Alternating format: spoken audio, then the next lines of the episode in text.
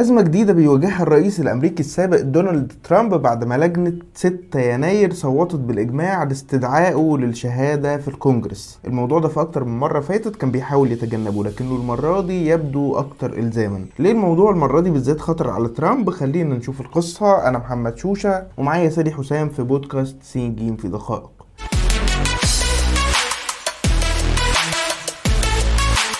سالي محتاجين الأول نفهم الناس إيه موضوع لجنة 6 يناير ده؟ آه طبعا أنت تفتكر أحداث 6 يناير واقتحام الكابيتول والكلام دوت. اللجنة دي اتعملت من تسع أعضاء في الكونجرس سبعة منهم ديمقراط واثنين منهم جمهوريين. وظيفتهم التحقيق في في أحداث الشغب اللي حصلت في 6 يناير 2021 اللي هو كان وقتها كان ترامب المفروض إن هو خسر الانتخابات بس لسه السلطة ما اتسلمتش. وما كانش تم الإعلان رسميا حتى النتيجة. يعني دي كانت آخر محاولة من أنصار ترامب إن هم يوقفوا نتيجة الانتخابات. طيب إيه الجديد في الموضوع؟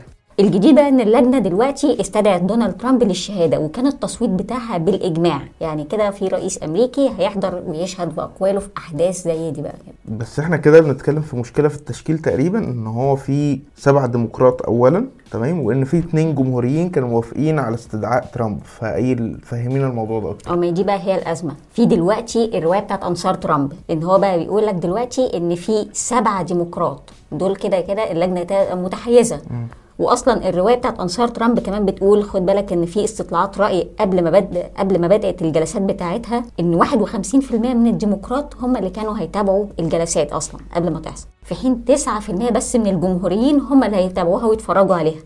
بعد شهر بقى من تأسيس اللجنة نفسها في 2021 برضو كان في 58% من إجمالي المصوتين والناخبين في أمريكا شايفين إن اللجنة فعلا متحيزة ضد ترامب. طيب وهو التشكيل ده منطقي أصلا؟ يعني ده محتاجين سؤال محتاجين نجاوب عليه إن هو فكرة تسعة يعني يبقى فيهم تسعه سبعة قصاد اتنين. إزاي وصلنا للصيغة دي أصلا. ما دي بقى النقطة اللي بيستخدمها الديمقراط في الرد على أنصار ترامب. هما بيقولوا إحنا عملنا لجنة وعايزين نحقق في أحداث الكابيتول. دلوقتي عايزين تسعه في اللجنة ديت. إحنا قدمنا مرشحين من عندنا. الجمهوريين هم اللي رفضوا يبعتوا ناس من عندهم. في الآخر الجمهوريين أغلبهم وقفوا في صف ترامب وما فيش غير اتنين بس هم اللي قرروا يشاركوا. فبقى وصلنا للتشكيل بتاع سبعة لاتنين. طيب ما فيش أي احتمال إن هو يبقى مجرد استدعاء بروباجندا و... وترامب مثلا يعني هو لسه ما قالش موقفه لغاية دلوقتي ولا إيه؟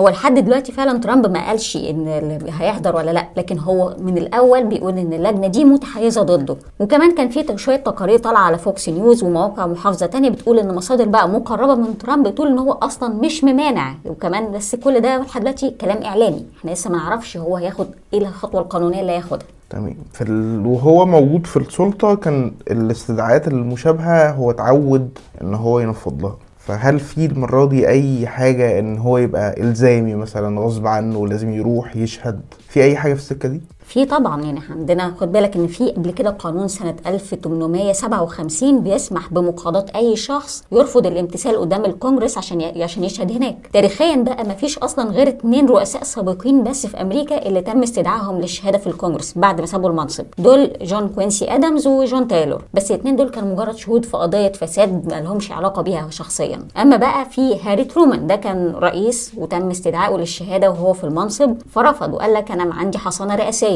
ده برضو كانت نفس الحجة اللي استخدمها نيكسون لما تم استدعائه للشهادة وهو كان رئيس وقتها. بس عشان فضيحة ووترجيت كان تم إجباره على تسليم ملفات. بس هو ده الحالتين اللي انت قلتيهم هم رؤساء سابقين. ترامب لما كان في السلطة فعليا عمل ده. هو دلوقتي بقى رئيس سابق. فأكيد الموقف المفروض يختلف ولا إيه؟ هو موقف ترامب فعلا مختلف لأن هو رئيس سابق وفي نفس الوقت بقاله أكتر من سنة بيقول إن اللجنة دي متحيزة سياسيا ضده ودي هجوم شخصي عليه وعلى سياسته. يعني عايزين يقضوا على مستقبله السياسي. كمان في تقارير بتقول أصلا إن القرار ده اتاخد في آخر جلسة للجنة دي قبل انتخابات التجديد النصفي. وفي كمان تقارير تانية بتقول إن ترامب والدائره المقربة بتاعته شغالة على وضع اعتراضات وإجراءات قانونية عشان توقف العملية كلها. بس إحنا دلوقتي إيه علاقة الانتخابات التجديد النصفي باللي إحنا بنقوله يا ساري أنا دلوقتي في لجنة من الكونجرس طلعت قرار. مش القرار ده هيكون ملزم في كل الأحوال؟ هو زي ما قلنا أصلا إن اللجنة دلوقتي أغلب اعضائها ديمقراط. إحنا اتفقنا على كده. ودول تم تعيينهم في الكونجرس اللي كان تحت سيطرة